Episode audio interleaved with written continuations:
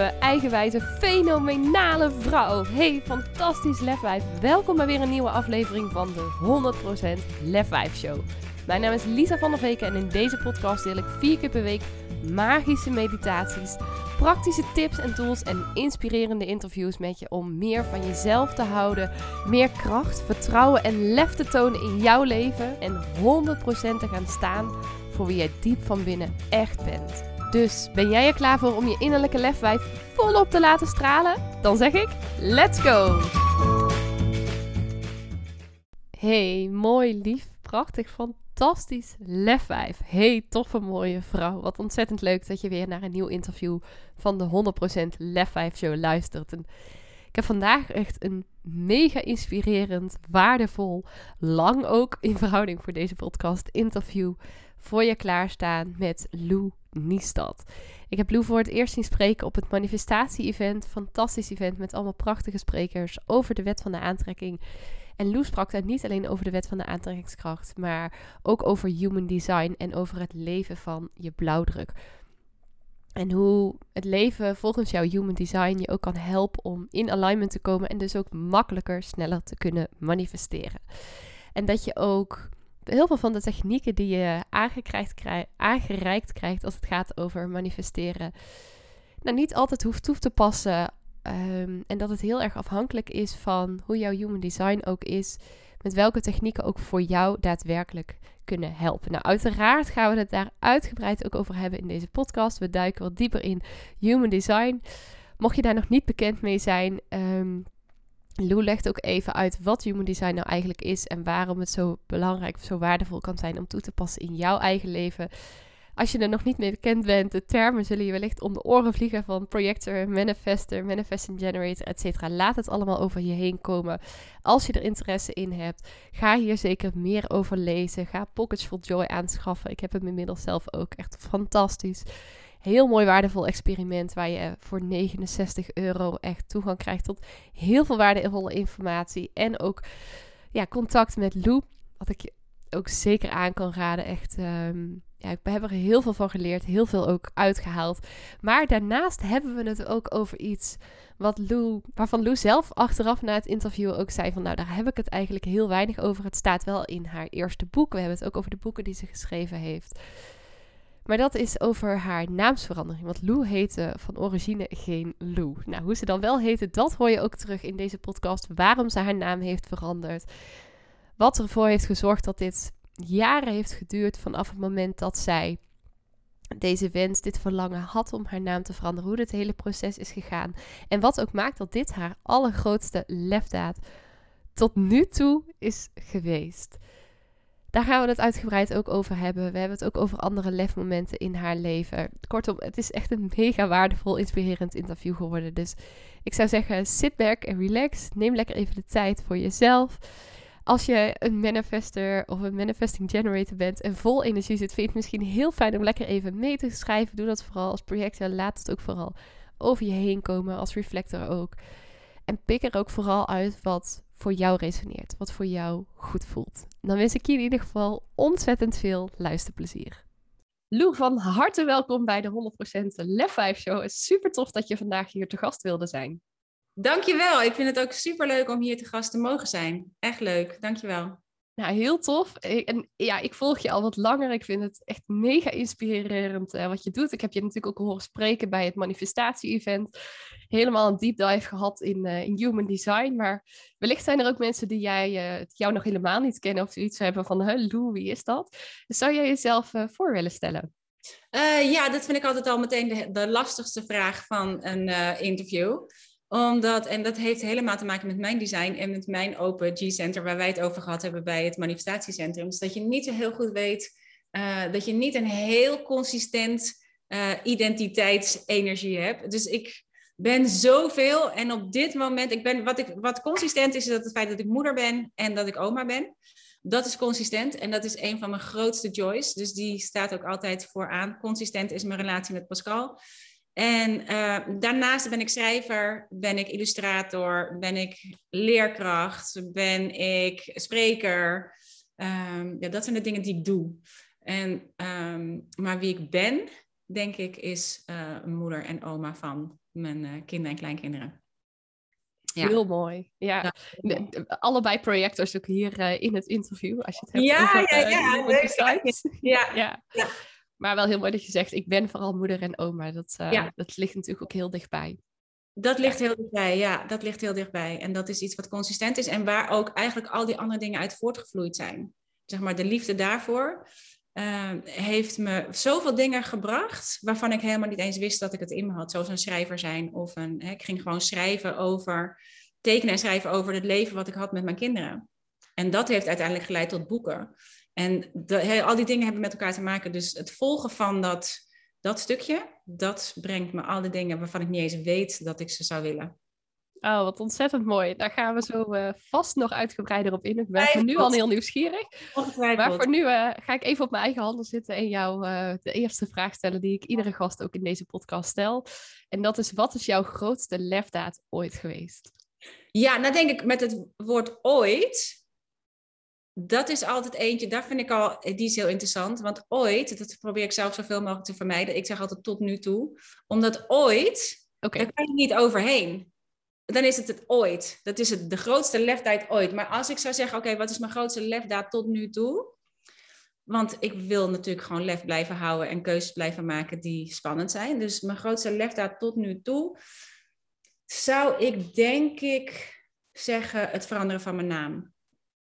Ik denk dat dat. Uh, want dat heeft zoveel in werk gezet. Dat, dat heeft me ook zoveel inzicht gegeven in, in wat lef eigenlijk is. En eigenlijk dat we het voor de gekste dingen nodig hebben. Want waarom zou je lef nodig moeten hebben om je naam te veranderen? Het is, dus dat, het is maar een naam. Weet je? Maar daarbij voelde ik zoveel verantwoordelijkheidsgevoel naar mijn ouders. Um, wat gaan andere mensen ervan denken? Weet je, al die dingen die komen voorbij bij zo'n simpele keuze als je naam verandert. Terwijl het is je eigen naam, je mag het zelf weten. En toch voelde dat als een enorme lefdaad om te doen. Maar tegelijkertijd, toen ik dat had gedaan, uh, ik dacht, oh, maar als ik dat kan, dan kan ik dat ook. Als ik dit durf, dan durf ik dat ook. Weet je, dus het heeft, dat is waarom het denk ik tot nu toe de grootste lefdaad is geweest. Omdat het, um, omdat het heel veel in werking heeft gezet. En het heeft letterlijk heel veel in werking. Ik kon letterlijk het verschil voelen in energie in mezelf met mijn oude naam en met mijn nieuwe naam. Dus ik, daarmee kon ik, het gaf me zoveel informatie over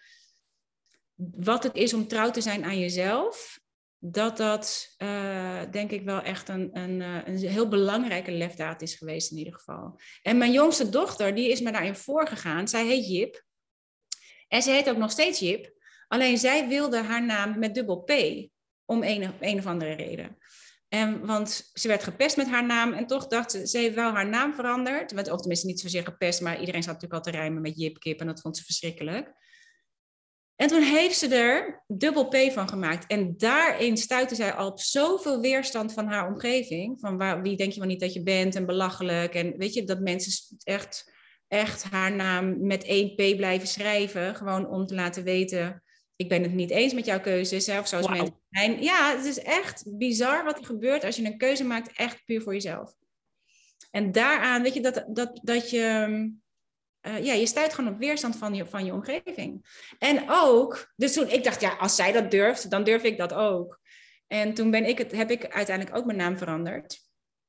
En, uh, maar je kreeg, ik kreeg van mensen van wie ik het helemaal niet had verwacht, kreeg ik de meest fantastische reacties. En van mensen waarvan ik dacht, nou, dit zijn heel open-minded mensen en vrienden. Die hadden zoiets van, wat ga jij nou doen?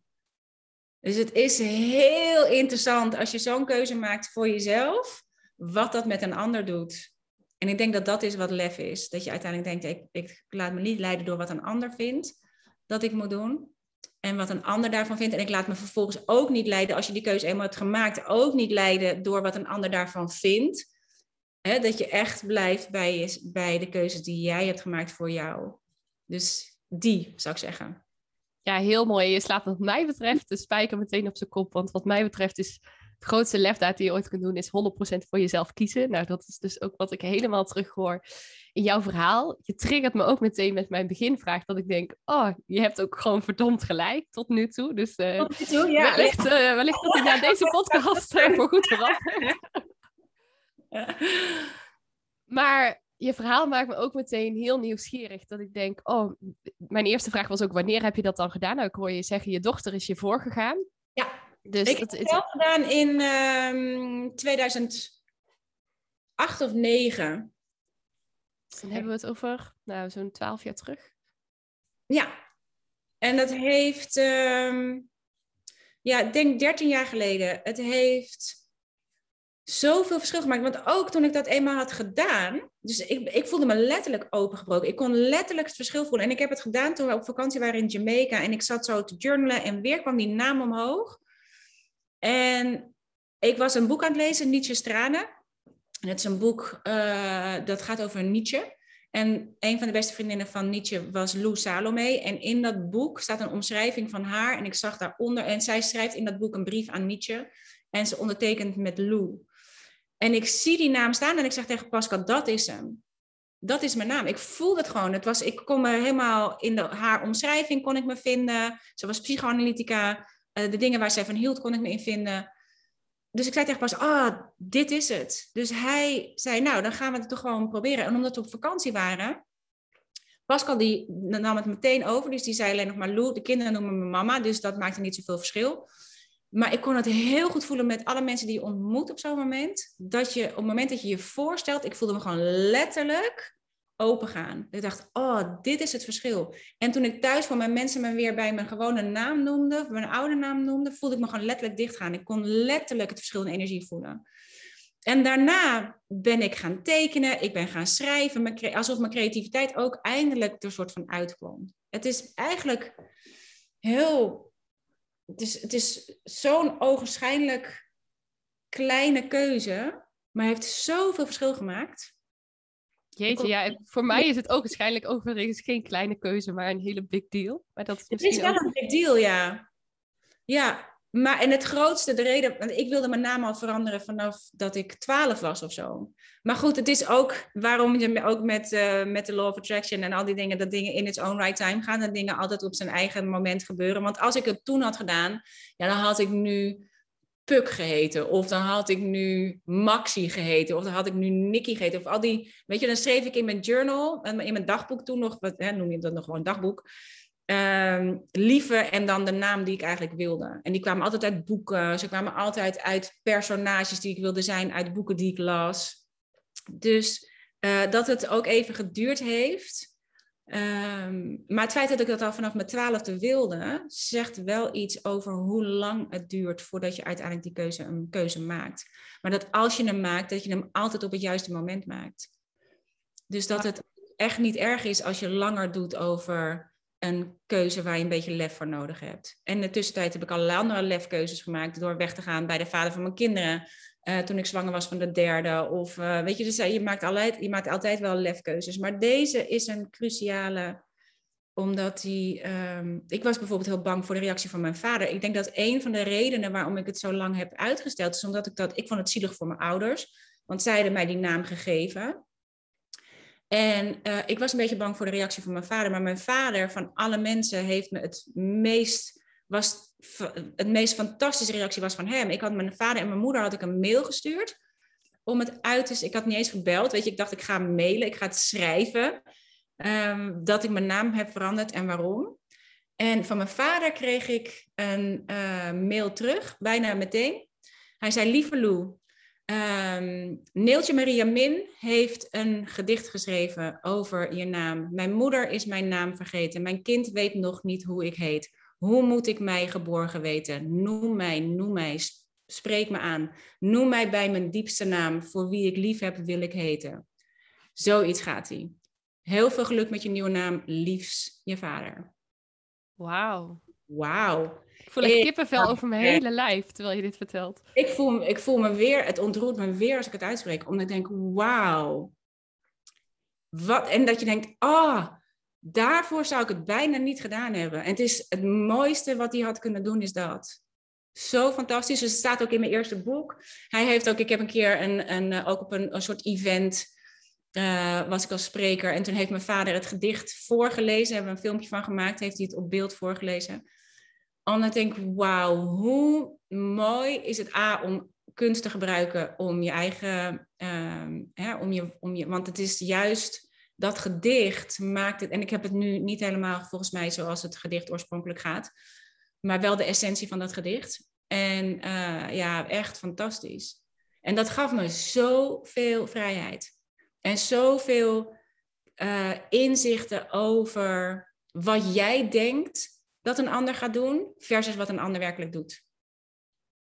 En dat heeft. Het zegt 180 graden tegenovergestelde van wat je verwacht had en wat je ontving. Zo vaak zo. En als je dan ziet van de mensen waarvan je denkt, nee, die zij snappen dat, die gaan ineens uh, hun, hun, wenkbrauwen optrekken. Of, uh, ja, dus je weet echt, het maakt niet uit. Het gaat allemaal dus over wat jij denkt dat een ander zal denken of doen. En hij was het beste voorbeeld van dat waar je het meest bang voor bent, dat dat dus zomaar. En, wat, en waarom ben je bang voor de reactie van een ander? Waarom ben je bang voor de reactie van je vader? Weet je, wat dat alleen al is eigenlijk zo gek. Wat kan hij doen? Wat kan hij doen? Omdat ik mijn naam verander. Weet je, het is, het is echt bizar dat dat dus zo diep gaat. Dus, ik, dus hoe meer wij het erover hebben, hoe groter de lefdaad voelt. Als zijn, als, en hoe, nou echt meer niet hoe groter de lefdaad voelt, maar hoe groter het belang voelt van, van iets doen wat je spannend vindt.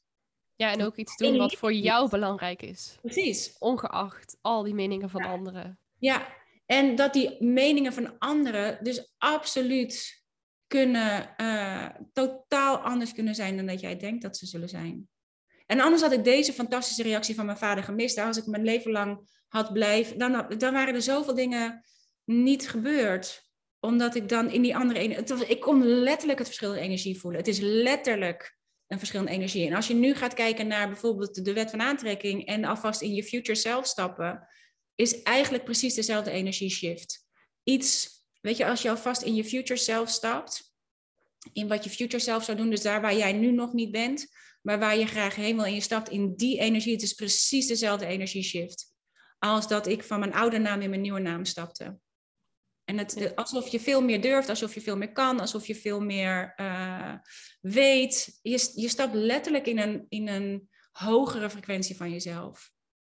En met andere woorden, dat vind ik ook wel heel mooi. Wat je nu dus eigenlijk zegt is, zelfs als jij nog dus voor jezelf, als je als luisteraar deze podcast luistert, dingen hebt waarvan je denkt, die zou ik heel graag doen, maar vind ik heel spannend. Of ik zou deze cursus willen maken, maar ik vind het uitdagend om trouw te blijven aan mezelf. Want wat als anderen denken, als jij daar nu al in je future self kunt stappen, ja. dat je dan al in vibratie en energie verandert, zonder dat je misschien daadwerkelijk ook nog die stappen hebt gezet. Absoluut. Dat het dat ook makkelijk maakt om die stappen daadwerkelijk te gaan zetten. Nou, en niet alleen dat. Kijk, en dat wist ik toen nog niet. Maar nu, met de kennis die ik nu heb van uh, kwantumfysica, van, van uh, de universele wetten, is wat je denkt, is wat je in je leven brengt. Dus op het moment dat je bang bent voor de reacties van anderen, ja, dan is die kans dat die reacties komen natuurlijk heel groot. Want dat is waar, je, waar jij je aandacht op hebt gericht. Kijk, dat ik nu totaal verrast werd door, de. Dus, dus, dus ook niet gezegd dat dat per se zo is. die reacties kwamen wel, maar niet van degene waar ik bang voor was. Maar als jij in je future self stapt, of je stapt alvast in die energie, en je kunt het letterlijk voelen, je kunt letterlijk, je kunt eigenlijk een soort energie-experiment doen. Want ik kon het daar toen zo goed voelen, dat het ene is een gevoel van open gaan en het andere is een gevoel van dichtgaan.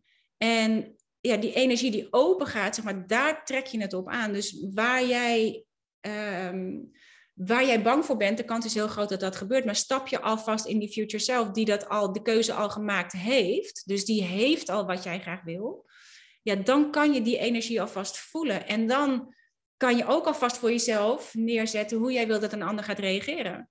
Maar je kan ook voor jezelf neerzetten hoe je het van je af laat glijden, hoe anderen erop reageren. Mensen gaan reageren, want je, je triggert andere mensen. Als je spannende keuzes maakt, dan gaan mensen daarop reageren, omdat je ze triggert in iets in henzelf wat ze niet durven te doen.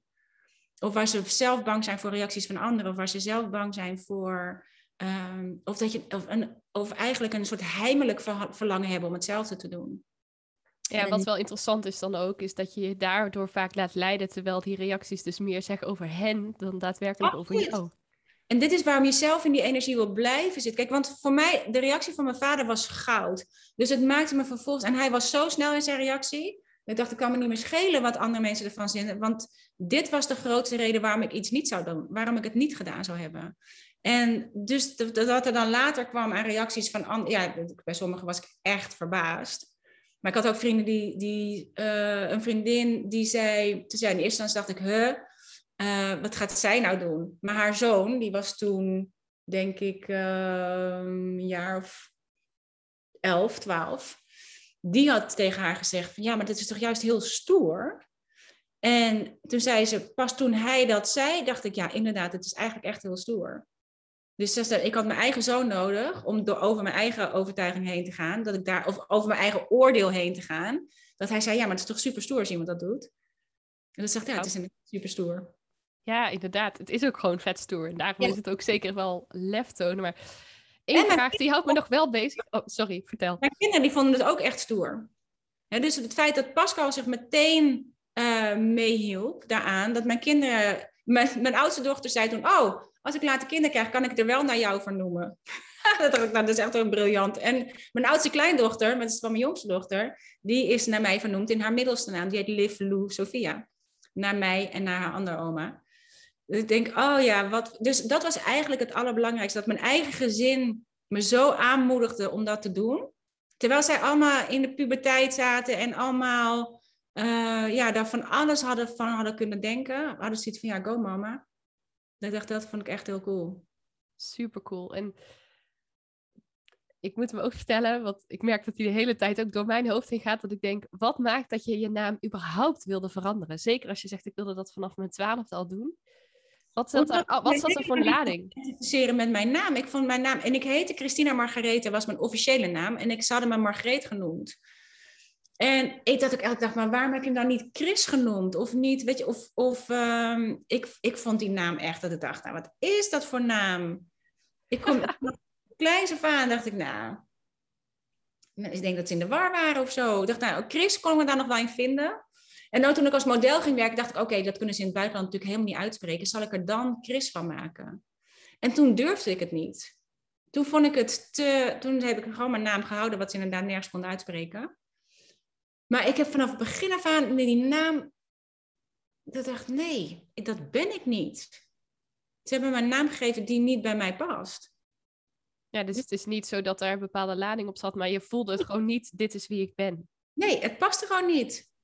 Alsof je altijd kleren aan hebt die niet lekker zitten of die niet passen of die... Uh... Ja, en die kun je nog makkelijk uittrekken aan het eind van de dag. Maar die naam die blijft een leven lang bij je, in principe. Ja, ja. Maar het was echt een, een soort basisgevoel. Zo. Ik, vond, ik vond het altijd een naam die, die me niet, niet paste. Of niet... Um, um, nee, maar het was echt uit een soort van loyaliteitsconflict naar mijn ouders. En ook, what's in a name? Weet je, als dat heb, dan heb je hem alweer als overtuiging. Dit is wat we... Ja, what's in a name? Nou, everything. Er zit van alles in.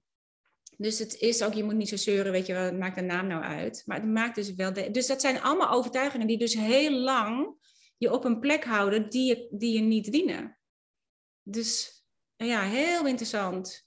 Ja, en zeker als je dan dus eigenlijk zegt dat door veranderen van die naam jij eindelijk helemaal jezelf kon zijn en er ook letterlijk veel meer ging stromen. Niet alleen de energie ja, ging, maar ook je creativiteit, alles in je leven Neem ons er eens even mee. Wat, wat is er veranderd sinds het moment dat je je naam veranderd hebt? Nou, trouwens, ik zit nu te denken, nu je dat zo terugketst over de creativiteit. Mijn creativiteit, en toen had ik gewoon nog mijn oude naam. Die is eigenlijk echt open gegaan toen ik ervoor koos om verder te gaan, alleen verder te gaan met mijn kinderen. Toen was ik zwanger van de derde. En ik dacht, ja, wij gaan echt samen niet oud worden. Dus dan kunnen, we, kunnen de kinderen maar beter gewoon zo klein mogelijk zijn. En ik werkte toen nog als model waar ik heel makkelijk mijn geld mee kon verdienen. Ik hoefde ook niet elke dag voor te werken. Maar ik dacht wel, ja, alles wat ik hierna ga doen, dat moet ik fulltime gaan doen. Want ja, en beperkte overtuigingen over uh, dat je ook niet weet dat, dat dingen, geld op een andere manier kan stromen. Ik dacht toen nog, oké, geld kan ik alleen maar verdienen door werken. Uh, dus het is nog, uh, dacht ik, oké, nou dan. Um, wil ik in ieder geval zo lang mogelijk doen met het geld wat ik heb. En daarvoor ik denk, bestel maar, koop maar, doe maar, want het kwam me heel makkelijk binnen. Het ging ook heel makkelijk uit. Maar toen dacht ik, ja, maar ehm, als ik, en ik was op dat moment zwanger, dus uh, dan duurt het ook weer even voordat er weer geld begint te stromen, ook vanuit je modellenwerk. Want ja, dit was zwangerschapskleding, maar niet de, de goede dingen. En toen dacht ik, toen ben ik alles wat me echt geld kostte, ben ik eruit gaan doen. Dus ik had mijn auto eruit gedaan. Ik had uh, grote dingen. Ik dacht, ja, alles wat ik niet heb, hoef ik ook niet voor te werken. En ik kocht een bakfiets. Ik dacht, ik had de tram, de trein, de bus, uh, alles om de hoek. Ik dacht, ik ga gewoon met openbaar vervoer. En uh, dan heb ik die auto niet. En ik vond het werkelijk... Ik dacht, ik ga gewoon een soort experiment doen. Wat er gebeurt als ik al die dingen niet heb. Dus ik heb mijn hele huis leeggehaald, alles eruit, al die meuk eruit, alles verkocht, alles wat ik niet gebruikte eruit. En man, de vrijheid A, die daarmee vrij kwam, maar ook de creativiteit die daarmee openging. Want ik had, ja, ik kocht het niet meer zomaar allemaal. Ik bestelde het niet meer zomaar allemaal. Ik deed niet zomaar wat. Ik dacht, oh, maar ik kan. En ik weet, mijn, mijn oudste dochter, die zat toen, die ging net naar de basisschool. En zij had op school was een meisje die had een babyborn. En een babyborn is zo'n pop die er echt op een baby lijkt. En die uh, wilden zij natuurlijk allemaal heel graag. En zeker nu we ook weer zo'n baby erbij hadden. Maar die dingen waren 99 gulden. Dat was echt een... Um, een hoop geld. Een hoop geld. En Keesje kwam thuis van school en ze zegt... Oh, mam, ik wil zo graag een babyborn. Want een meisje in haar klas, die had zo'n babyborn. Ik zeg, oh ja, die heb ik gezien. Die zijn echt fantastisch, hè? Ik zeg, het enige is, dat meisje bij jou op school die die babyborn heeft, als jij tussen de middag thuis een boterham komt eten, dan blijft zij op school. Als ik jou uit school kom halen, smiddags uit school kom halen, om thuis te spelen, dan gaat zij naar een andere school, naar de, naast, naar de naschoolsopvang. En als wij gaan eten, dan wordt zij opgehaald om te eten. Zeg, en zij gaat ook na het eten naar bed. Zeg, dus ik kan voor jou wel een babyborn kopen, maar ja, dat betekent dat jouw leven er zo uit gaat zien. Want dan ga ik meer werken, dan moet ik, hè, want beperkte overtuiging over geld, dacht ik, ik dan moet ik werken. Ehm, en zij zei gelijk, oh, maar dan hoef ik hem niet. Ik zeg, maar ik kan wel een pop voor je maken. Toen dacht ik, oh mijn god, wat heb ik nou gezegd? Ik dacht, hoe dan? En uh, maar toen was ik helemaal zo bezig met die antroposofische opvoeding. En uh, ik dacht, oké, nou, ik ga wel even uitzoeken hoe ik een pop kon maken. En toen heb ik voor haar een pop gemaakt voor haar vijfde verjaardag. En daar was ze helemaal gelukkig mee. En die, maar voor mij, door dat te gaan maken, en ook voor hen het besef hoe dat, dat, kijk, nu zou ik veel meer zeggen, je hebt geld en tijd. Toen dacht ik meer, je hebt geld of tijd. Um, dat wat een beperkte overtuiging is. Maar goed, dit is, en daar, dit is precies waar wij het over gehad hebben uh, tijdens het manifestatie-event. Do the best you can until you know better. If you know better, if you do better. Want ik geef haar op dit moment ook een beperkte overtuiging over geld en tijd enzovoort mee. Alleen dat wist ik toen niet. Ik dacht toen, oké, zo gaat jouw leven eruit zien als ik meer moet werken om al die dingen te kopen waarvan je denkt dat jij ze wil hebben. En um, die creativiteit is zo'n groot onderdeel geworden van mijn leven. Gewoon door dingen zelf te gaan maken. Daarvoor, omdat alles maar kon. En omdat alles maar... Ik kon het allemaal afkopen. Maar daarmee word je ook een soort... Uh, ja, lui of zo. Of het wordt een soort... Nou, gemakzucht. Ik denk dat het gemakzucht is. En ik denk dat gemakzucht... Waar veel van ons last van hebben, omdat we zoveel hebben en zoveel meteen aan een minuut kunnen kopen, krijgen, halen, manifesteren, maakt niet uit hoe we het doen. Uh, dat het, het kwam niet in me op om het zelf te maken. Want ik kon het gewoon bestellen, kon het gewoon kopen.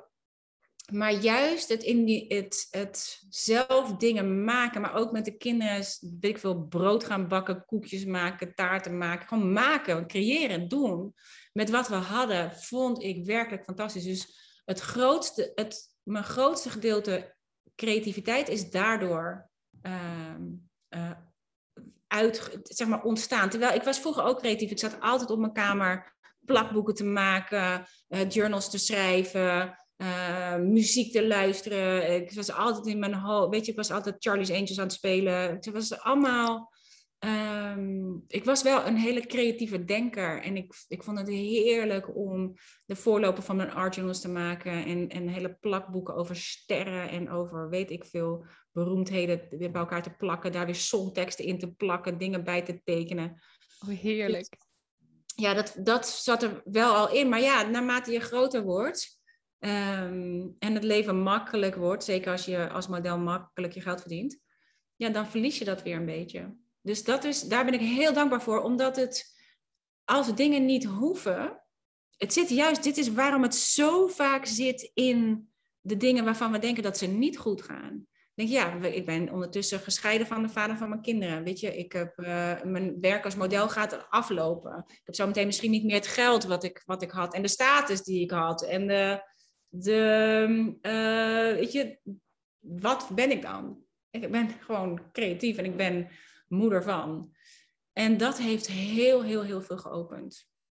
En vanuit daar is die creativiteit ook weer verder gaan doorontwikkelen. Dus. Ja, en door die creativiteit en ook omdat ik, uh, en ik, en ik realiseer me dat dit haak staat op je eigen ervaring met kinderen. Dus het kan heel goed zijn dat dit soort dingen trigger anderen heel vaak, omdat het zo klinkt alsof we het zo graag willen. Maar voor mij lag daar al mijn, alles lag daarin. Voor mij was het het, het het, het totaal tegenovergestelde van jouw ervaring met, je, met, met jouw stuk. Dit is waarom een van de dingen waarom ik het zo cool vind dat jij dat hardop uitspreekt. Want jij bent ook niet de enige. Ik ben ook niet de enige die deze ervaring heeft. Maar voor mij lag alles daarin. Dus ik ben daardoor in het onderwijs gegaan. Ik dacht, ja, alles wat ik ga doen, moet ik fulltime gaan doen. Dacht ik, nou, dan ga ik in het onderwijs. Heb ik dezelfde tijden als de kinderen, dezelfde vakanties als de kinderen. Ik vond dat opvoeden werkelijk helemaal fantastisch. Dus ik dacht, ja, opvoeding en onderwijs ligt dicht bij elkaar. Dus mijn creativiteit ook in het creëren van lessen voor in de klas. Weet je, het, er zat zoveel creativiteit in. Ik zit op dit moment overigens ook in het onderwijs voor een paar dagen per week. Ja? ja, ik geef ah. les op de Hogeschool uh, van Amsterdam uh, als docent verpleegkunde ook. Oh, wat super cool. Ja, dus dat zit er ook. Maar uh, wat zeg je? Vind je het cool? Ja, ja, ik vind het heel leuk om te doen. Ook het spreken voor de groepen en mensen meenemen daarin. En verhalen delen, mensen inspireren. Superleuk. Ja, superleuk. En inderdaad, vanaf uh, januari gaat uh, mijn oudste naar school toe. Dus dan is dat uh, ideaal met vakanties. Ja, ja. Maar ik vind het ook fijn dat ik vier dagen per week aan het werk ben. En niet fulltime met de kindjes thuis ben. Want Precies. dat is voor mij niet te doen. Ja, ja, maar dit is waarom ik het zo fijn vind dat wij daarin eigenlijk zo andere ervaring hebben. Omdat dit, het is niet voor iedereen hetzelfde. Het is niet voor iedereen hetzelfde. En ik vond het uiteindelijk, ik trok uiteindelijk altijd terug naar dat gezin, omdat ik, en zeker, maar dat begrijp ik nu als projector, dat wist ik vroeger ook niet, dat ik dacht, alles wat ik daarbuiten ging doen, ook het lesgeven en al die dingen maken, studeren, weet je, ik vond dat super cool. Maar op een gegeven moment kreeg ik weer een enorme terugtrekneiging. Dat ik dacht, ja, ik wil gewoon lekker bij dat gezin zijn. En zeker als zij op een gegeven moment op school zaten, dat ik dacht, oh, dan heb ik even tijd voor mezelf dan kan ik even een boek lezen, een wandeling maken, naar een museum gaan, iets studeren, iets voor mij doen om mijn eigen vat te vullen. Want dat miste ik uiteindelijk als ik en met de kinderen was en voor de klas stond of iets anders deed, als zij op school zaten. Ja, dan dacht ik, waar is dan de tijd waar ik kan opladen? Ja, dat herken ik wel heel sterk. maar dat is ook een reden waarom ik vaak het fijn vind om even weg te gaan, omdat die kinderen zoveel prikkels geven. Ja, ja. En als je daarnaast, kijk, het, is een, eh, als je daarnaast zorgt dat je wel weet, wat voor projector ben jij? Wat is je authority? Um, oh god. um, ik heb maar één dingetje ingekleed en dat is in mijn onderbuik. Maar ik weet even niet, ik zou het op moeten zoeken. Ga ik ondertussen even doen. Maar vertel verder. Oh ja, ja, ja doe even. Uh, want dat maakt natuurlijk ook nog verschil. Um, dus voor mij lag het allemaal daarin. En ik denk dat het veranderen van mijn naam heeft de volgende fase ingeluid. Die heeft, um, want daardoor is bij mij, kijk, het tekenen en het schrijven, dat deed ik niet. Het was niet iets wat ik niet wist dat ik kon. Hoewel mijn zusje zegt, ja, maar je zat vroeger altijd ogen te tekenen in je agenda. Weet je, zij vond namelijk dat ik vroeger super goed kon tekenen. En ik dacht echt, tekenen? Ik teken helemaal nooit. Ze zei, ja, je zat altijd zo te doodelen in je agenda. Het zag altijd super cool uit. dacht ik, oh, dat is waar. En die plakboeken kwamen weer terug, dat ik dat allemaal aan het creëren was. Maar ik wilde gewoon heel graag uh, ja, dat leven met die kinderen gewoon vastleggen als een soort art journal. Dus daarover tekenen en over schrijven. En dat ben ik ook gaan doen in Jamaica. Dacht ik van alle dingen, want ik was wel heel creatief, maar ik was ook een soort, ik wilde alles doen. Weet je, ik had alles in huis van, weet ik veel, breien tot punneken, you name it, als het maar enigszins creatief was dacht ik, oh, dat moet ik ook, dat moet ik ook doen. Dat kan, dat kan ik ook, dat kan ik ook. Maar vervolgens legde ik mezelf soms helemaal lam, want had ik zoveel dingen verzameld waar ik iets van kon maken en iets mee kon doen, dat ik aan het eind van de dag helemaal totaal overweldigd was en niks had gedaan. Dus toen heb ik na het veranderen van mijn naam heb ik alles geparkeerd in mijn uh, droomkabinet. Ik dacht, oké, ik ga nu alleen tekenen en schrijven. Want wat ik het liefste wil, is dit leven met die kinderen vastleggen op de pagina met ehm, eh, tekenen en schrijven. En dat ben ik gaan doen. Gewoon in mijn agenda, gewoon in mijn journal. Weet je, ik had gewoon een journal gemaakt, gewoon een simpel leven goed geleefd. En dat is doordat mijn werelden bij elkaar kwamen. Er werd een, een um, de Glamour deed een, een interview met uh, ex-modellen met een nieuwe passie. En daar hadden ze voor mij voor gevraagd. En ik deelde mijn agenda en mijn journals op Facebook toen nog. Dat was toen helemaal in het begin van Facebook, 2009. En uh, tenminste toen ik erop kwam, 2009. En uh, daar zaten natuurlijk ook nog alle stylisten. Die zaten inmiddels op uh, andere functies bij de bladen. Dus wij waren nog met elkaar connected. En zij hadden mijn tekeningen gezien. En ze hadden gevraagd of ik voor hen mee wilde doen aan, dat, dat, ehm, aan die productie. Dus dat heb ik gedaan. En degene die mij daarvoor interviewde, Alice Beijers, die mailde mij twee, drie maanden na dat interview. En ze zei, ik ben bij Cosmos Uitgevers en ik ben een, een uh, recensie aan het schrijven voor een boek wat ze hier hebben. Uh, het bouwen van je luchtkastelen. Ik weet niet helemaal de titel van Barbara Tammes. En ze zei, ik moet zo denken aan jouw werk, aan jouw tekeningen. Vind je het goed als ik je gegevens hier achterlaat? Kunnen ze contact met jou opnemen? Ik zeg, uiteraard. En helemaal als projector, als ik nu ga kijken als projector, ik ben, alles is altijd op uitnodiging gekomen. Dus ook deze kwam op uitnodiging van Cosmos Uitgevers. En ik had met hen en met uh, Martine Litjes van, uh, van uh, Cosmos eerst gewoon een kennismakingsgesprek. En even koffie drinken en dan um, vertellen wie je was en wat ik deed. En zij zei, ik zou het echt heel cool vinden als je een boek wil maken over hoe jij leeft. Ik dacht echt, huh? Ik denk, hoe ja, ik zeg, ja, ik doe maar wat. Ik, doe maar wat met die kinderen. Ik doe me gewoon een beetje keten met die kinderen. Een beetje creatief uh, uh, omgaan met, met de dingen die we toch moeten doen. Een beetje creatief denken. Ze zegt, ja, ik vind gewoon de manier waarop jij kijkt naar dat simpele leven goed geleefd, vind ik gewoon heel uniek. Wil je daar een boek over maken? Ik dacht, nou, dat werd groot en meestlevend leven, een ode aan dagelijkse sleur. Weet je, waarvan wij denken dat het dingen allemaal helemaal groot moeten zijn en dat we ver en een carrière en al die dingen. En ik dacht, ja, geef mij maar gewoon een beetje sleur met die kinderen. En dan ben ik helemaal in mijn hummetje, want tijd over voor mezelf, want tijd over voor creativiteit, want uh, niet totaal overweldigd raken door, uh, door al die dingen. Dus daar zijn mijn boeken uit voortgekomen. En dat had ik zelf nooit kunnen bedenken. Dat was niet de intentie van het maken van mijn journals. Het was niet, ik had het niet kunnen bedenken. Ik had het niet op mijn vision board kunnen zetten als ik dat toen had gedaan. Ik had niet geweten dat ik dat talent had. Dus dat is allemaal voortgekomen weer. En vervolgens die boeken. Um, daarna kwam Les Luxe. Toen werd mijn jongste dochter zwanger.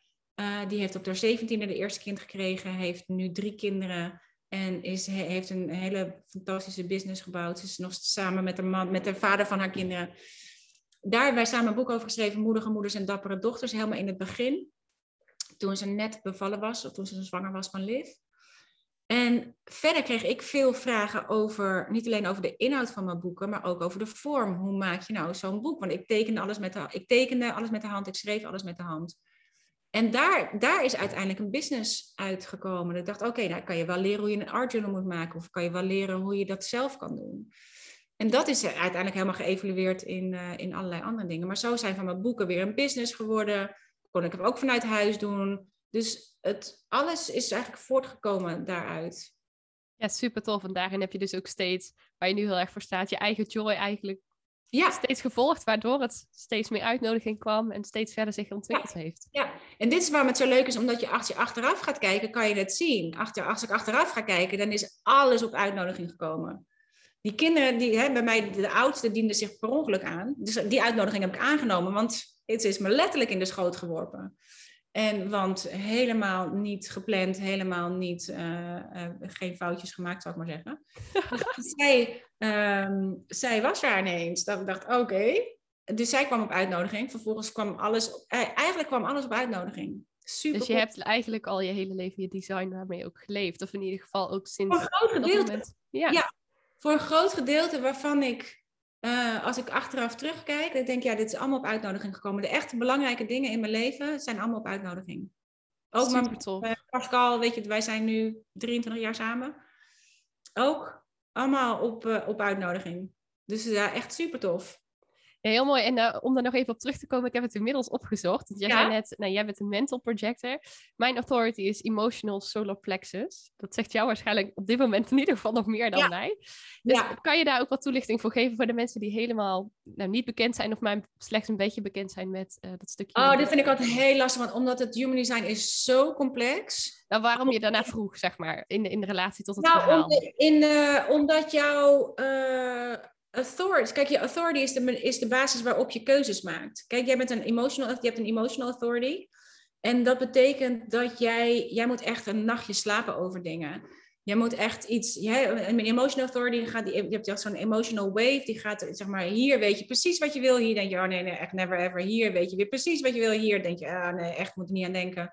Jij moet die wave, zoals een, een, een golf ook uitrolt op het strand, moet je die golf laten uitrollen totdat die vlak is en op het einde ligt jouw clarity. Daar ligt je antwoord. Terwijl je on, zeg maar in de tussentijd word je heen en weer ges, letterlijk heen en weer geslingerd tussen die keuze die je zou kunnen maken. Ride the wave, wacht tot die helemaal uitgerold is en daar ligt je antwoord. Dus voor een emotional eh, projector, emotional authority in het algemeen hoeft niet voor een projector te zijn, maar als je een emotional authority hebt, dan wil je die, die golf eh, even laten uitrollen. Zodat je naar die clarity kunt. En in die tussentijd doe je gewoon niks. Besluit je niks. Want anders maak je een keuze op een hoog, op een high van zo'n golf, op een zo'n low van zo'n golf.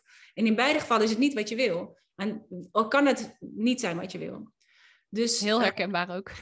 en ook de emotionele waves. en vertrouw daarop. Kijk, ik heb een mental authority. En mijn mental authority is een soort sounding board authority. Ik moet het uitklanken. Ik moet het letterlijk hardop uitspreken, zodat ik het terug kan ketsen. En kan voelen of iets klopt of niet. En, en ook een mental authority hoort wel echt alleen maar bij een projector. Maar een emotional authority is een authority die, die alle designs kunnen hebben. En die is is gewoon belangrijk om te weten dat je, eh, dat je, die, dat je je gewoon ja, even moet overgeven aan dat overspoelende gevoel van die, van die golf. Maar dat aan het einde van die golf komt, de, komt je antwoord. En vertrouw daarop. En dan kan je ook gaan voelen, hoe voelt het nou als dat antwoord er is? Als je die helderheid ineens hebt, de opluchting ineens hebt. Ik denk, oh, ik weet het al. Of ik weet het al, ik weet het pas. Ik weet het. Ik weet het nu. En dat, en dat doe je natuurlijk niet als je ehm, wil weten wat je wil eten voor lunch. Dat is een beetje, doet een beetje te lang. Maar over het algemeen kan het zo twee, drie dagen duren voordat je het antwoord hebt. Dus geef jezelf ook de ruimte. Maar als dat de enige is die je ingevuld hebt en de rest is leeg. Ja, ja, ik heb er twee. De, de onderbuik en dan even kijken als je het schemaatje hebt. De, dat driehoekje aan de rechterkant. Onder, naast je onderbuik. Eh, ja, die, en de recht, maar als je je onderbuik hebt, zeg maar, is het helemaal de alle Helemaal onder- onderin. Ja. helemaal onderin zit. Dus je hebt je root center gedefinieerd en je hebt je emotiecenter gedefinieerd. En al die andere centers zijn bij jou leeg. Ja. Ik heb alleen die bovenste twee gedefinieerd en bij mij is de rest helemaal leeg. En al die lege centers, die zijn, daarin zijn we het allermeest, ehm, eh, daar zijn we het allermeest geconditioneerd. Dus dat zijn de plekken waar we het meest ontvankelijk zijn voor conditionering. Omdat we daar zelf het minst consistent zijn in die energie. Dus daar is waar je al die energie van anderen, in jouw geval van je kinderen, al die energie van hoe het zou moeten zijn, hoe, je, hoe het hoort te zijn, allemaal via die centers, allemaal, ja, die energie is alleen niet van jou. Dus eh, jij hoeft alleen maar te weten, oké, ik moet deze emotie even uitzingen. En je root center heb je gedefinieerd. Dus je hebt ook wel, uh, uh, dat is een pressure center, dus je voelt ook wel de druk om dingen te doen. True. Dus die zit dan een beetje in de weg soms met dat uitrijden van die wave. Maar die, dat is je authority, dus die is het belangrijkste. Dus je moet jezelf even geruststellen en denken, oké, okay, die pressure, um, ik, ik, kom, ik kom op je terug. Denk je dan gewoon, zeg maar, ik laat even deze golf uitgolven. Zodat ik ook weet waar we die pressure op in kunnen zetten. Ja, en herkenbaar als je op een van die andere momenten beslissingen neemt dat het meestal niet goed afloopt. Dat het, nee, dat het vaak eentje is die... Het kan wel dezelfde zijn als waar je op uitkomt als je hem uit laat rollen. Maar dat je jezelf even de ruimte geeft om... Hè, dat je jezelf aanleert om ook te zeggen, ik kom erop terug. Als mensen meteen een antwoord van je willen. Hè, voor jou is het onmogelijk om, als je iemand tegen zegt, je moet nu zeggen ja, nee. Je denkt, uh, dan is het een, hè, wat dan iemand met een sacral authority, die voelt dat. Die denkt ja of nee. Die denkt, ja, waarom, zit je nou zo moeilijk te doen? Dat kan je toch voelen? Ja, zij wel. Zij voelen echt een soort full body ja en een full body nee. En zij zijn, sacral authorities, of tenminste, die hebben allemaal, uh, de generators, de manifesting generators, hebben die sacral uh, gedefinieerd. Zij zijn de grootste groep. En die zullen dus veel makkelijker denken, hé, ja, maar dat kies je toch gewoon eventjes zo. Ik heb dat al met mailtjes beantwoorden hoor. Dat doe ik soms pas een paar dagen daarna, omdat ik niet weet wat het antwoord gaat zijn. Wat het antwoord is, ja. ja. ja. En dan kan je, als je dat vervelend vindt, als je het idee hebt dat, ze, dat het vervelend is dat ze zitten te wachten, als het ware, op je antwoord, kan je een auto-reply erop zeggen. Ik kom zo snel mogelijk bij je terug. I'm riding the wave. ja, die is wel leuk. Die ga ik onthouden. Ja, ja of neem maar Sascha, hè, want bij mij doet Sascha dat. Ja, precies. dat is heel fijn, want dan kan ik er nog even over nadenken, kan het even outsounden. En zij heeft alvast gereageerd, zodat ik het niet denk, oh, mensen zitten op mij te wachten. Dus zij reageert alvast voor mij. En dan kan ik eventjes dingen uh, uitklanken. Zodat je je authority, zodra je authority echt gaat leven, maakt een wereld van verschil. En weten met al die lege centers die wij hebben als projectors, dat, dat we daarin dus echt even de tijd moeten nemen ook om ernaar te kijken. En denken, oké, dit is niet voor mij, dit is niet voor mij, dit is niet voor mij, dit is niet voor mij, dit is niet voor mij, dat kan eruit. Ja, ik heb voor mezelf, zet ik altijd, doe ik alsof het allemaal een soort van ramen zijn die ik open kan zetten. Ik denk, het kan er zo in, maar het kan er ook zo weer uit. Dat je het tegen elkaar zet. Nou, en dat is ook wel vaak met beperkende overtuigingen. Die komen vooral omdat je heel vaak energie, zo ervaar ik dat in ieder geval, energie van anderen hebt opgenomen die niet past bij jouw eigen energie. Precies, ja. Maar wij zullen wel voor waar aannemen. Wij wel die energie. Ehm, omdat we wel letterlijk die energie voelen. Dus alleen wij nemen hem als eigen energie. Wat niet onze eigen energie is. Dus, maar wij gaan wel op basis daarvan reageren op onze omgeving. Wij gaan wel op basis daarvan um, maken wij keuzes. Die niet overeenkomen met die van onszelf. Ja, precies. En nog eventjes, uh, even helemaal terug naar de basic, want nu zijn we op human design, wat verder ja, we zijn in human design, ja. Waar we volgens mij een dag nog aan kunnen besteden, wat we oh, voor nu even niet, uh, gaan doen. Dagen, weken, ja. wat we voor nu even niet gaan doen. Um, maar voor de mensen die nu denken, waar hebben ze het in de hemelsnaam over? Um, en die hier meer over willen weten, gaan we zo over hebben. Maar kan je even kort uitleggen wat human design eigenlijk is en hoe je dit dus in kunt zetten in jouw eigen leven? Human design is een combinatie tussen um, zeg maar de oude wijsheden zoals de I Ching, de, de Kabbalah Tree of Life, de, je chakra-systeem, je, de horoscopie. En de nieuwe wetenschap van neuroscience, kwantumfysica en biochemie. Zeg maar een, een gedeelte daarvan. En dat gaat ervan uit dat we allemaal letterlijk een eigen design hebben. Dat we zeg maar 88 dagen voordat wij zijn geboren als een soort van imprint hebben gekregen. Het is letterlijk de blauwdruk van wie je bent. En daarin, dit is wat ik er zelf super cool aan vind, want doordat je die blauwdruk hebt, zoals we ook uh, weten dat we, ik ben een tweeling van sterrenbeeld, ik hoef niet te twijfelen over, ben ik nou een tweeling of ben ik nou een stier? Ben ik nou een tweeling of ben ik nou een, een steenbok? Ik denk, nee, ik ben een tweeling. Want als je, je hebt natuurlijk wel meer van dat soort testen, van die persoonlijkheidstesten. Alleen die moet je zelf invullen en je neemt je eigen overtuigingen mee of de dingen die je zou willen zijn. En dus het is veel makkelijker mee sjoemelen en veel minder uh, echt wie je bent. Terwijl als ik naar mijn human design kijk, en voor mij was het een, een enorme aha, omdat ik, net als jij, een projector ben. En je hebt vijf verschillende designs. Je hebt een manifester, je hebt een manifesting generator, je hebt een generator, een projector, en een reflector. Dus je valt onder één van deze types. Maar het is niet zozeer wie je bent. Want ik denk, anders ga je jezelf weer in een soort hokje stoppen van ik ben een projector. Maar dat is de energie die je hebt. Je hebt de energie van een projector, je hebt de energie van een reflector, je hebt de energie van een manifesting generator. Dat is de energie die je hebt. Alleen wat, en, je hebt, en alle designs hebben een strategie. En die strategie, als je dat gaat volgen, dat was voor mij ook echt, en dat, dat wat ik net steeds zei, is dus allemaal op uitnodiging gekomen. De strategie van een projector is to wait for the invitation. Dus dat je wacht op de uitnodiging. Omdat een projector heeft een hele, um, een soort van hele scherpe aura. Dus die heeft een hele eh, priemende aura, zeg maar eventjes. Hè. Wij hebben een soort van, wij kunnen heel makkelijk, we hebben een soort van bullshit mee. Dus we kijken heel makkelijk door andere energieën heen. Maar voor andere mensen is dat super confronterend. Want die, willen, die voelt heel naakt als je, als je naar ze kijkt en ze zien. En ze voelen zich zo gezien op die manier. Dus op het moment dat jij initiatief zou nemen, wat de strategie is van een manifester en van, alles, van alle designs, is eigenlijk de manifester de enige die echt initiatief neemt. Die is degene, dat is 9% van de bevolking is een manifester. En um, dat die hebben een soort van direct lijntje met het universum.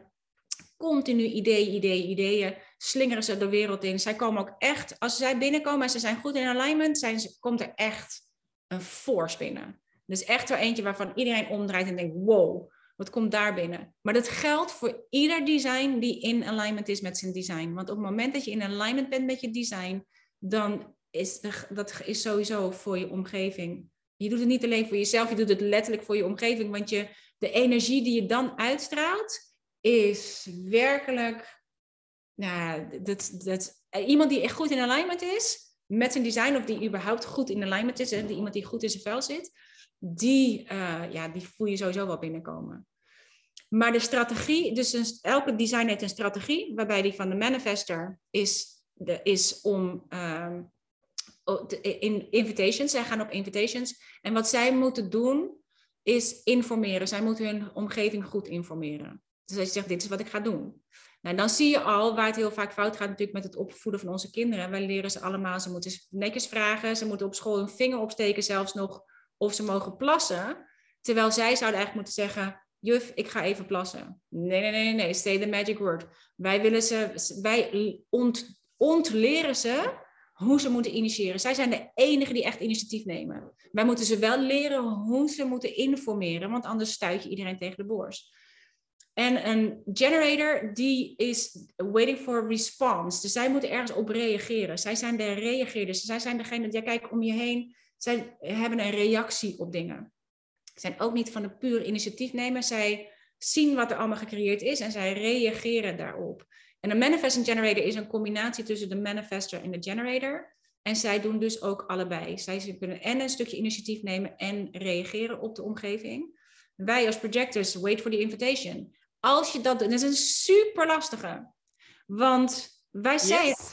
opgevoed met het idee, je moet, uh, je moet assertief zijn en je moet erop uit en kom op en uh, get yourself out there, laat jezelf zien. Terwijl het voor projectors heel vaak niet werkt. Ik doe ik al die dingen. En zeker entrepreneurs en online, on, hè, als je, zeker social media, je moet jezelf laten zien en je moet, je moet zelf initiatief nemen.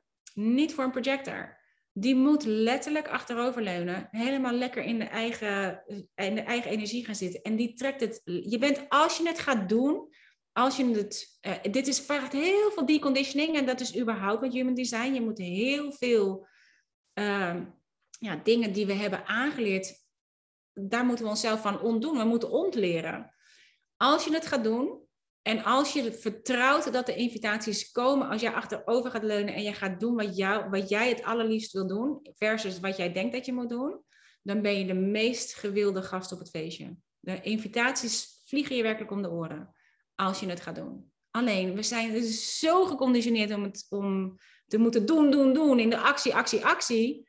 En daarmee duwen wij het juist van ons af. Dus je denkt, ah, doe ik alles wat ik moet doen en ik volg alles. En dat werkt niet omdat je niet in je design zit. En voor een reflector, dat is maar 1% van de bevolking. Maar wij zijn als projectors zijn we 20% van de bevolking. Alleen omdat we zoveel verschillende authorities hebben. En mental authority bijvoorbeeld is uiteindelijk maar 2 tot 3% van de bevolking. Want niet alle projectors hebben dezelfde uh, authority. Een reflector is maar 1% van de bevolking. En die heeft alleen maar lege centers. Dus die heeft niet echt in die zin een authority. Maar de strategie die zij hebben is dat ze een hele maancirkel wachten. Dus dat zij, waar jij de wave moet wachten, en dat duurt twee, drie dagen, wachten zij een hele maandcyclus, omdat zij, omdat al die centers leeg zijn, hebben ze geen consistente energie. Ze hebben geen energiecenter. En jij hebt een energiecenter en je emotiecenter is een energiecenter. Je rootcenter is, is, maakt energie aan. Het is alleen niet. Ik heb geen enkel energiecenter. Dus de energie ja, dit is waarom ik dacht, ik dacht, ah oh man, hoe lang ik heb gedacht dat ik lui was of dingen niet vol kon maken of niet af kon maken. En waarom heb ik daar nou niet de energie voor? Is omdat ik die energiecentra letterlijk niet heb. Dus een reflector heeft die ook niet. En um, die moet dus wachten, een maancyclus wachten, omdat je, dan kan je even voelen door zo'n hele cyclus heen waar je energie zit en of je energie consistent genoeg is om een bepaald project te doen, om, om iets aan te nemen. Stel, jij pakt net en neemt net een uitnodiging aan op, uh, op een hoge energie, of ik zeg maar even volle maan. Dan denk je, oh ja, dat heb je alle energie voor. Totdat het, die energie weer afneemt en je denkt, oh mijn god, dat krijg ik echt niet voor elkaar.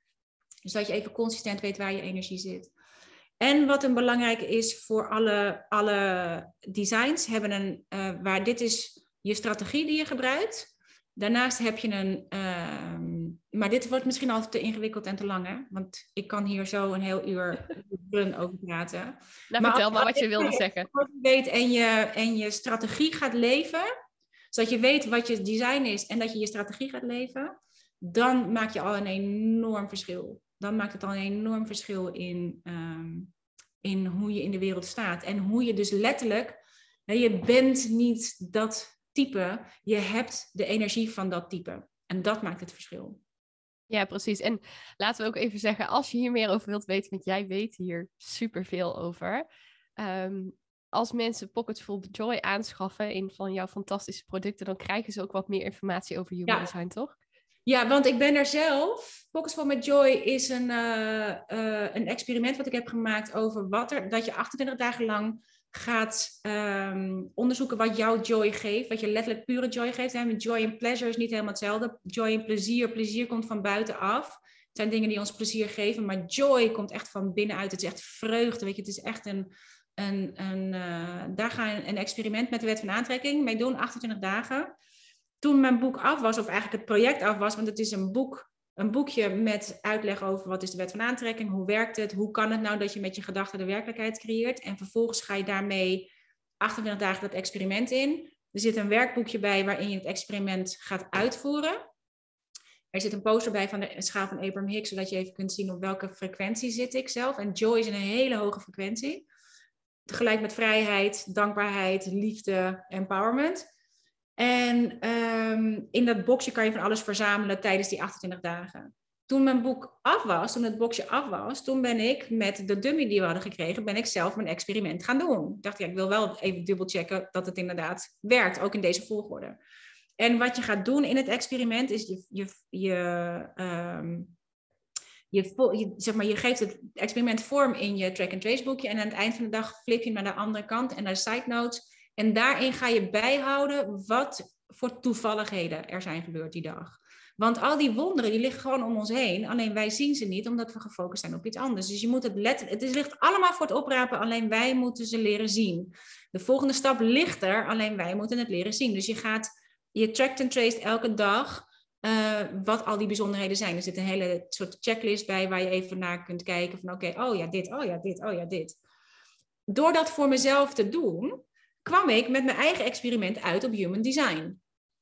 Wat, heel, wat dat heel, ik denk, ja, hoe kan je nou uitkomen bij human design? Maar door elke keer de verborgen aanwijzingen te volgen, door, uh, door, te, door te, te zien wat voor invitaties er binnenkwamen, wat de, zeg maar, je gaat letterlijk de linken leggen die allemaal om je heen te vinden zijn. En ik kwam uit bij human design en ik was echt echt blown away. Ik dacht, wauw, het feit dat ik een projector ben, al die kwartjes die vielen, was echt bizar.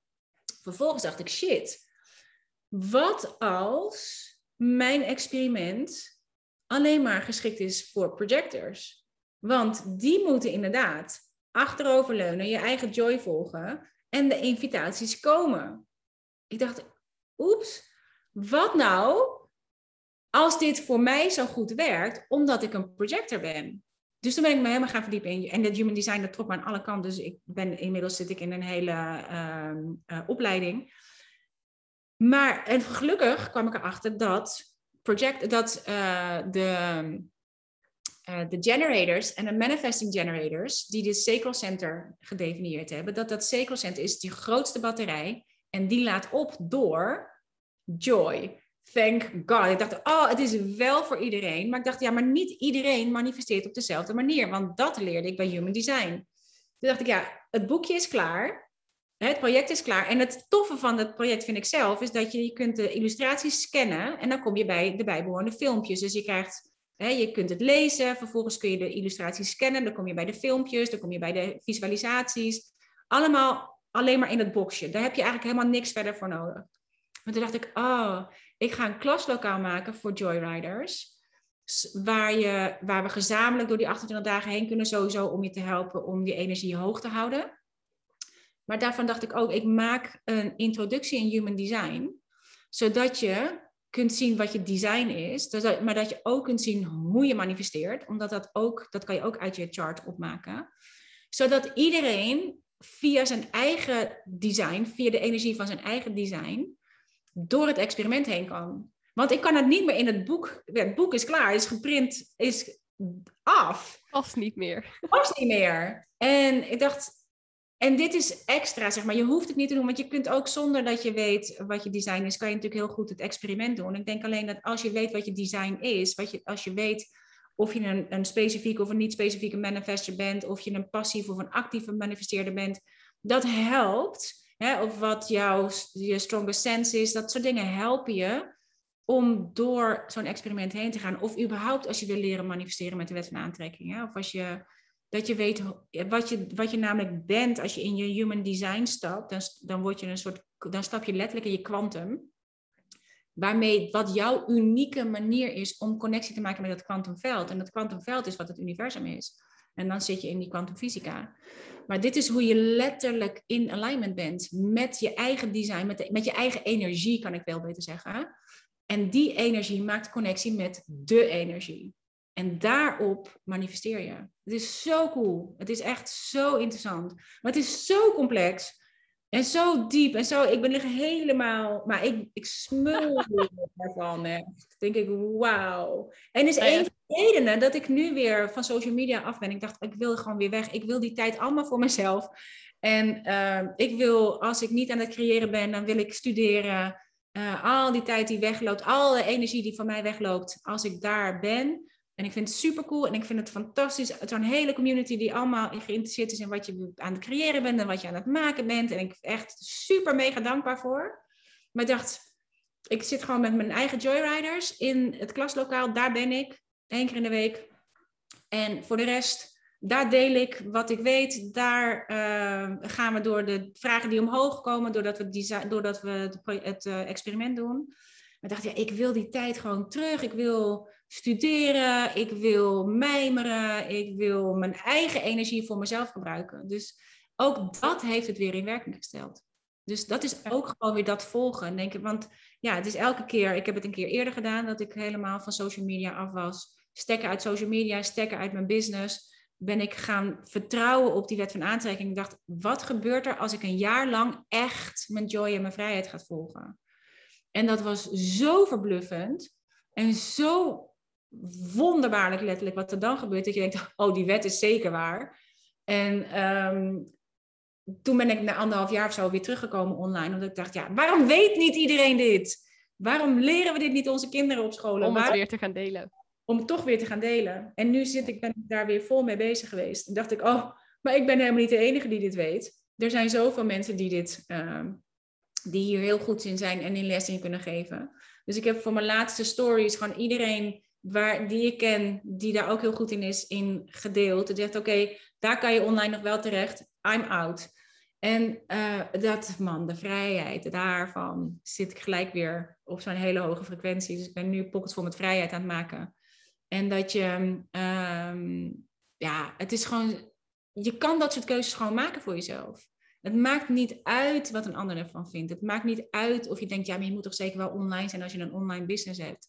Niet per se. Het enige wat je hoeft te doen is in alignment zijn. Je hoeft niet online te zijn, je wil inline zijn.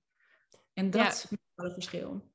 Ja, en dat is wel heel mooi. Ik vind, dat vond ik ook het mooie aan het manifestatie-event en de combinaties ook van alle talks die daar werd gegeven. Dat je, je kunt op heel enerzijds, je kunt er zo ver in verdiepen en in verzuipen ook, als je zelf ja, wilt. absoluut, absoluut.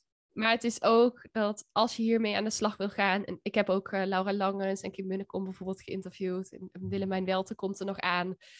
Dat er, leuk, leuk. Die vertellen natuurlijk ook heel veel op de wet van aantrekking. Maar als je dat dus op jouw manier wil doen. En dat vind ik het mooie aan Human Design. En wat jij daar ook in teacht. Dat je dat dan dus ook kan doen als je weet wat jouw design is. Bij wat, op een manier die bij jou past en die voor jou werkt. En dat je dus niet die ervaring hebt dat je denkt: oh, maar ik doe alles wat er gezegd wordt. Maar voor mij werkt het niet. Ja. En dat is natuurlijk wat er heel veel, wat er toch heel veel gebeurt. Er zijn, dat zijn zoveel mensen gefrustreerd. Dus denk ik, ik doe helemaal precies zoals ik het heb geleerd, maar het werkt niet. En dat kan heel goed zijn dat je tegen je design ingaat. En tegen de manier waarop je manifesteert ingaat. Dus ja, voor mij was dit echt een missing link. Voor mij was het echt een missing link in manifesteren vooral ook. Dus ik wil inderdaad weer graag de connectie maken tussen human design en manifestatie.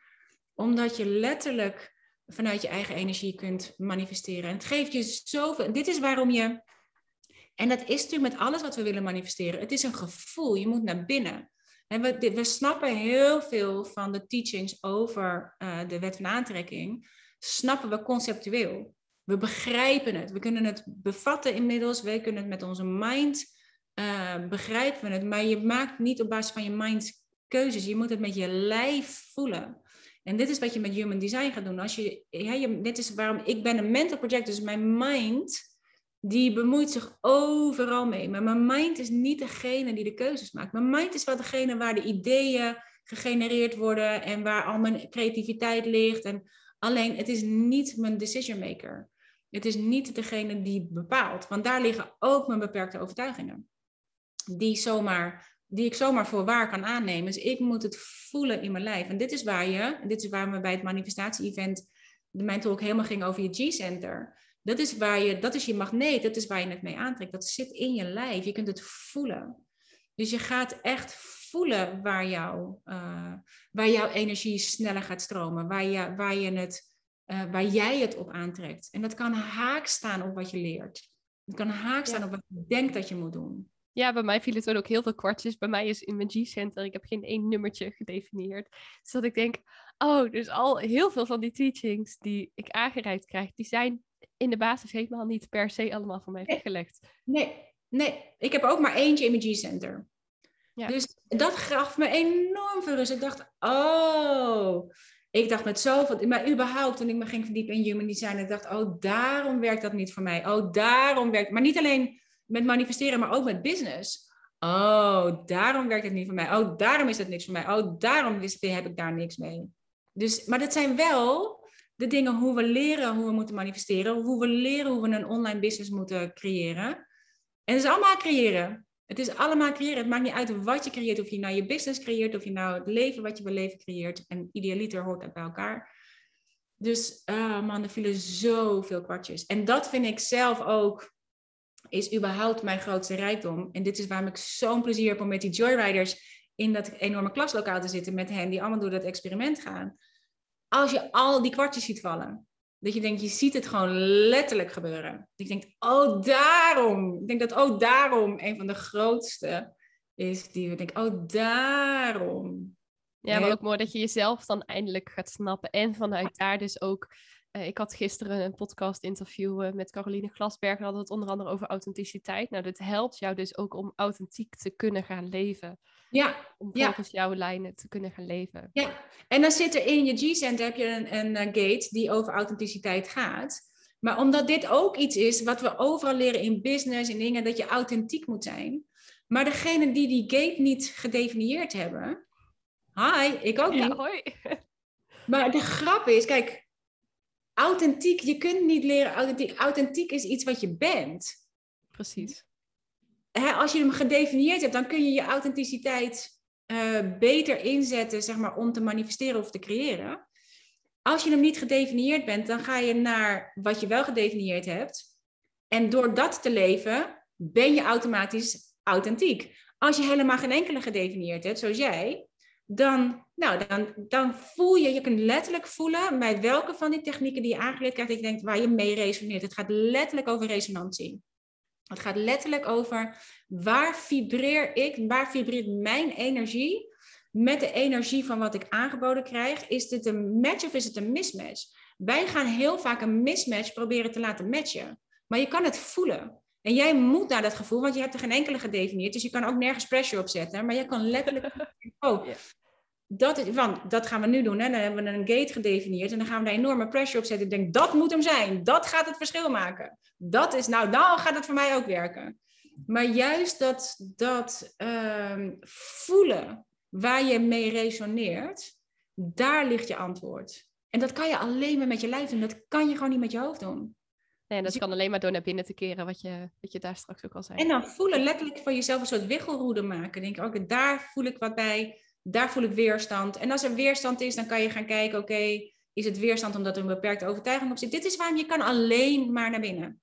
En dit is waarom je tijd nodig hebt. En dit is waarom ik mijn tijd gewoon weer weghaal bij social media. Want ik trek ook, word ook gewoon getrokken door die telefoon. Uh, omdat ik mij maar tijd nodig heb. En contemplation. Contemplatie is een van de fijnste dingen om te doen. En ik ben naast Human Design heel aan het verdiepen in uh, Gene Keys. Wat helemaal gaat over de schaduwkanten van al die, die gates. En de gifts van die gates.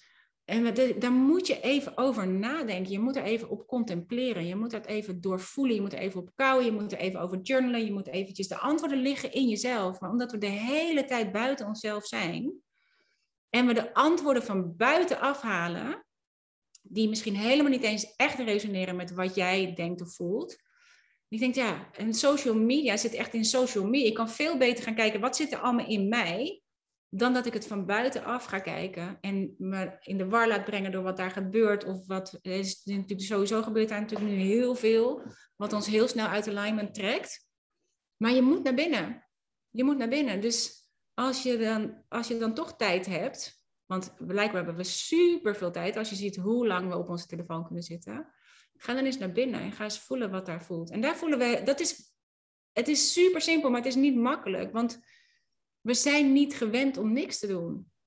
We zijn, zijn ook niet zo gewend om naar binnen te, keren. Dat hoor ik ook van heel veel mensen. makkelijker om naar buiten te keren. Nee, dat naar binnen keren en jezelf letterlijk aankijken. Ja, dat is confronterend en dat is te, ja, dat vind, dat, maar dat is de work wat we moeten doen. Als we het hebben over hard work, dat is hard work. Maar dan in dit geval is het ook gewoon hard werk, met je hart kijken. Maar daar liggen de antwoorden. We kunnen dat allemaal buiten onszelf houden, maar daar ligt het niet. Ja, en daardoor ga je wel ook, weet ik uit ervaring en ook van wat ik natuurlijk van heel veel mensen die ik gesproken heb, mogen interviewen, ook wel heb gehoord dat als je dat werk gaat doen, dan ga je echt groeien. Dan ga je echt stappen zetten. Daar ligt En, in alignment komen als je het hebt over human design. In alignment, ja, maar in alignment komen is niet alleen human design. Hè? Dan ben je in alignment met de energie van jouw design. Maar in alignment wil niks zeggen dan dat er gewoon geen weerstand meer zit tussen dat wat jij wenst en wat je graag wil creëren en manifesteren. Tussen dat en het ontvangen ervan. Dat er geen niet langer weerstand zit. Dan ben je in alignment. Ja, ja ik, ik, zit even ook te kijken naar de tijd. Ondertussen, Lou, we zijn al lekker een uur aan het kletsen. Volgens oh, mij, want ik zei, uh, kunnen we nog heel lang lekker doorkletsen. Maar voor nu uh, misschien ook wel een hele mooie boodschap, denk ik, om het interview mee af te ronden. De uitnodiging er is om veel meer naar binnen te keren en stil te staan bij hoe het voor jou werkt en hoe het voor jou voelt. Ja, en in daarin steeds dan de keuze te maken, wat, goed, wat voelt goed? Wat voelt goed? Want je kan ook in een hele. En dit is waarom we er ook niet graag heen gaan, want we gaan die schaduw in. We gaan die schaduwkant in. We gaan letterlijk je, onder, je eigen onderwereld in. En daar is, dat is niet allemaal helemaal fantastisch en prachtig en unicorns en rainbows. Daar liggen de draken en daar liggen de. Hè, maar Joseph Campbell van The Hero's Journey, die zei: The cave you fear to enter holds the treasure that you seek. Dat waar je het meest bang voor bent, daar ligt het in.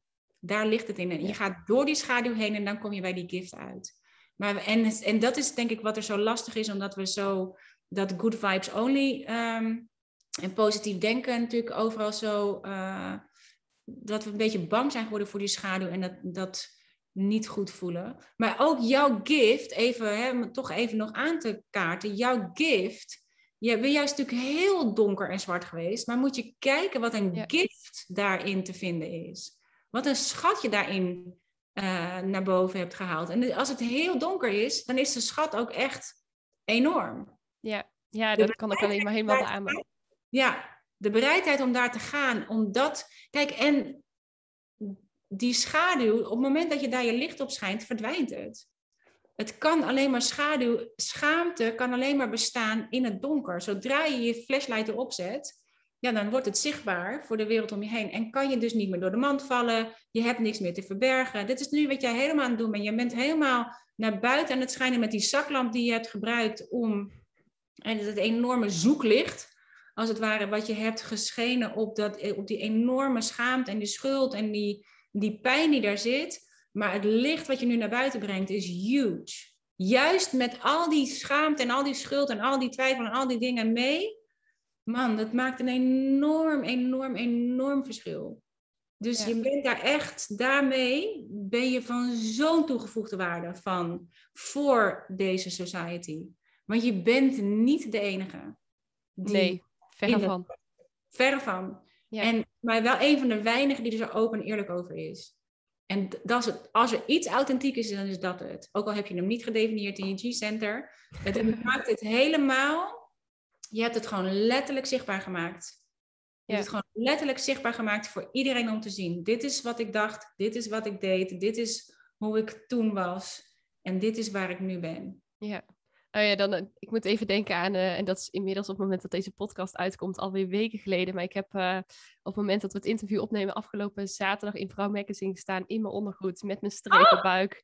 Oh. oh, echt? Ja, waarbij dat was voor mij, als je het hebt over lef, ook echt enorm lef. Mm. Want mijn buik nou, zit vol strié, maar is voor mij heel lang een hele nare herinnering geweest aan mijn postnatale depressie. Ja. Inmiddels is het iets waarvan ik denk, oh, ik heb daar twee kindjes in mogen dragen. Kan ja. ik daar door heel veel dankbaarheid te tonen, kan ik daar met heel veel kracht naar kijken en heel veel liefde naar kijken.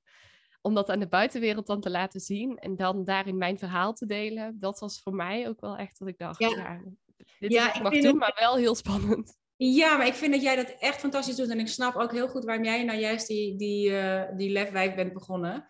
Omdat je zoveel moed hebt elke keer. En over, over moeilijke dingen over, het, is, het vergt meer moed dan je naam veranderen, zou ik maar zeggen. Het is een ander soort moed.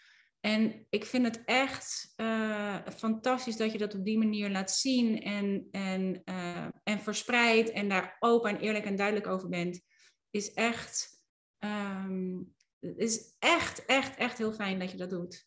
Dankjewel. Dus applaud je echt daarvoor, want ik, ik vind dat een heel, heel, heel belangrijk onderwerp. Dankjewel. Ik, ja, uh, ja het, doet me, het raakt me ook als je dat zegt, maar het doet me heel goed om te horen. Ja, ja. en echt, um, ja, chapeau. Chapeau daarvoor. Dankjewel. Ik word er bijna stil van, want ik met denk ook, oh, we zitten binnen in het interview. Um, en ik wilde hem eigenlijk langzaam gaan afronden, maar dan ga ik het met deze mooi worden. Dankjewel ja. Uh, ja. als afronding. Um, ik wil ook nog even de link weer, uh, weer terug naar jou leggen. Want uh, nou ja, nogmaals, ik vind het echt ontzettend inspirerend en heel waardevol wat jij ook in deze wereld te brengen hebt. En je bent dan misschien van social media af, maar je bent nog steeds ook te vinden. Um, dus aan jou ook de vraag, als mensen hier meer over willen weten, als ze meer willen weten over de Pocket Full Joy, de Pocket Full Vrijheid die eraan gaat komen, over human design, over jouw fantastische boeken, waar kunnen ze dan daar meer over vinden? Uh, de allerbeste is mijn website, loonistad.com. Um, ehm, de makkelijkste manier voor uh, echt, zoals wij nu ook zitten te praten, hè, dat doen we normaal gesproken in onze live calls bij de Pocket Full Joy uh, is Pockets for My Joy voor 69 euro heb je alles, alles, alles. Inclusief een bonus over hoe je zelf een art journal kunt maken. Ja, hoe je dat, waar we mee begonnen. En het klaslokaal en al die dingen zitten allemaal daarbij. Um, en ik ben nog steeds wel te vinden, zeg maar, mijn feed, mijn, uh, Instagram feed is nog steeds uh, open, omdat een aantal illustraties uit Pockets for My Joy over het kwantumveld en over uh, de wet van aantrekking, die linken naar IGTV's die ik voor Instagram heb gedaan, Inner Guidance TV, is allemaal gewoon om te kijken. Dit staat er allemaal nog, je kunt het allemaal kijken, je kunt het allemaal terugkijken. En daar is van alles te vinden over wet van aantrekking, kwantumveld, uh, uh, hoe je gedachten de werkelijkheid creëren. Dus daar is een heel scala aan IGTV's te vinden om je in te verdiepen. Um, maar ik persoonlijk ben alleen nog bij mijn Joyriders. Dus zeg maar, de, mijn persoonlijke energie zit daar. En, um, en verder bij mijn kinderen en mijn kleinkinderen. En is er, de, tegen de tijd dat deze podcast uitkomt, is er alweer een kleinkind bij. Want eind van deze maand, oktober, uh, is mijn oudste dochter uitgerekend van haar eerste uh, kind. Oh, dus wow. hier komt weer hoop. Dus daarvan dacht ik ook, ik heb mijn handen nodig voor baby's en dat soort dingen om uh, de boel vast te houden. En weer samen te mogen zijn. Precies. Maar daar, maar ik denk de snelste weg is uh. En je kunt me wel, wat ik normaal gesproken uh, op Instagram zou delen, dat deel ik via mijn, uh, de post die je gewoon in je inbox kunt ontvangen. Dus als je dat leuk vindt, dan kan je je inschrijven voor mijn post en dan krijg je hem gewoon in je inbox. de, de backside stories van alle dingen die je niet ziet aan de buitenkant. kan je je aanmelden, ook op de website dan neem ik aan, hè? Ook op de website, ja. Precies, ja. Nou, dan wil ik je voor nu uh, heel erg bedanken voor dit uh, ontzettend waardevolle, inspirerende interview. Ik heb de neiging om te vragen, is er nog iets wat je toe wil voegen? Maar ik ben ook een beetje bang dat we dan misschien weer... Niet doen. Ik zou het niet doen. Ik zou weer, ja, mentor project, hè? Dus dit is, ik hou hiervan. Ja. Uh, nee, ik zou willen toevoegen, hartelijk dank voor de uitnodiging. Want daar ga ik als project super lekker op. En uh, heel fijn, dankjewel voor dit uh, fijne gesprek. Ja, dat was hem dan, het interview met Lou Niestad. Allereerst mijn complimenten dat je deze aflevering helemaal tot het eind beluisterd hebt en nu nog aan het luisteren bent. En ik hoop van harte dat dit interview en alles wat Lou in dit interview gedeeld heeft net zo waardevol, net zo inspirerend was als dat het voor mij is geweest. En dat je hier heel veel nieuwe tips, ideeën, inzichten voor jezelf uit hebt gehaald. En dat je ook zoiets hebt van, oh, dit is iets waar ik verder mee aan de slag ga. Ik gun je in ieder geval van harte dat je ook veel meer die joy mag gaan ervaren. Veel meer in alignment mag leven. Veel meer lef durft te gaan tonen. En ik hoop van harte dat dit interview daaraan een, eh, een bijdrage heeft mogen leveren. Ik wil je sowieso ontzettend bedanken voor het luisteren. En ik zou het heel erg tof vinden om van je te horen wat jij hier voor jezelf hebt uitgehaald. Maak even een screenshot van de podcast. Deel hem in je stories. Tag mij. Je mag Lou taggen, maar die zal hem helaas niet verder delen. Want zoals je hebt kunnen horen, is die van social media af. Maar ontzettend uh, vet als je dit laat weten, wat jij uh, eruit hebt gehaald. Ik vind het sowieso echt heel erg leuk om dit terug te zien en terug te horen. Hoe de interviews ook worden ontvangen door jou als luisteraar. Mocht je nog andere tips, suggesties, ideeën hebben voor de podcast, zijn die ook altijd van harte welkom. Dus voel je ook vrij om me hier een berichtje over te sturen. Je kunt me op Instagram vinden onder Lisa van der Veek. Voor nu wil ik je vooral nog een uh, hele fijne, hele mooie dag toewensen. En heel graag tot morgen bij weer een nieuwe podcast. Ja, dat was hem dan alweer. En ik ben echt razend benieuwd wat je uit deze aflevering hebt gehaald voor jezelf. En ik zou het dan ook super tof vinden als je even twee minuutjes van je tijd op zou willen offeren om een review achter te laten. Ga even naar iTunes, scroll helemaal beneden en laat daar je review achter. Dat zou ik echt enorm, enorm waarderen. Mocht je nou nog vragen hebben of denken van nou, ik wil hier heel graag mee aan de slag, maar ik heb geen idee hoe je dit het beste kunt doen. Of wil je gewoon even delen wat je uit de podcast hebt gehaald? Stuur me even een berichtje of deel hem in je stories en tag me op Instagram. Je kunt me vinden via Lisa van der Veken. En ja, ik wil je natuurlijk ook echt van harte, van harte, van harte, van harte aanmoedigen om ook echt in actie te komen naar aanleiding van deze podcast. Want ja, luisteren is natuurlijk super inspirerend, maar je leven zal ook pas echt gaan veranderen op het moment dat jij stappen gaat zetten en in actie gaat komen. Dus hup, geef jezelf die schop onder de kont, doe wat jij nu nodig hebt en dan wens ik je een hele fijne dag en tot de volgende podcast.